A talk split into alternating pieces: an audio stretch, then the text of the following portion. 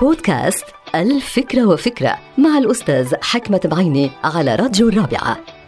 فكرة اليوم لها علاقة بال customer service أي خدمة العملاء. كلنا بنعرف إنه في etiquettes في rules يعني في قواعد وأصول كيف ممكن نتعامل مع العملاء لحتى نأدي الواجب الصحيح بالمؤسسة أو الشركة اللي عم نشتغل فيها. أولا لازم نفهم شو يعني customer service شو يعني خدمة العملاء. تاني شيء لازم نتأكد أنه نحن قادرين على التواصل المتبادل.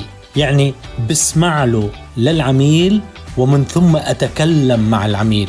يعني بسموها mastering two ways communication ولازم كمان أعرف كيف استخدم ال body language اللي بتخليني أقرب للعميل وبهالطريقة ممكن أخدمه بشكل أفضل.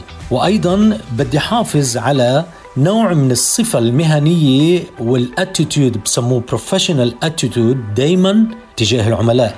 ولازم أعرف كمان كيف كون شفاف وعلى قدر كبير من المسؤولية وكيف كون أتمتع بالأخلاق يعني مباشرة بدنا نحكيها إذا بتشتغل بال customer service لازم تصدق أي أن تتجنب الكذب في كل المراحل وفي كل الأوقات.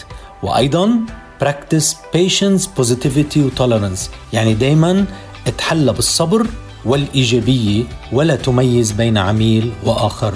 انتهت الفكرة. هذه الحلقة مقتبسة من كتاب الفكرة وفكرة.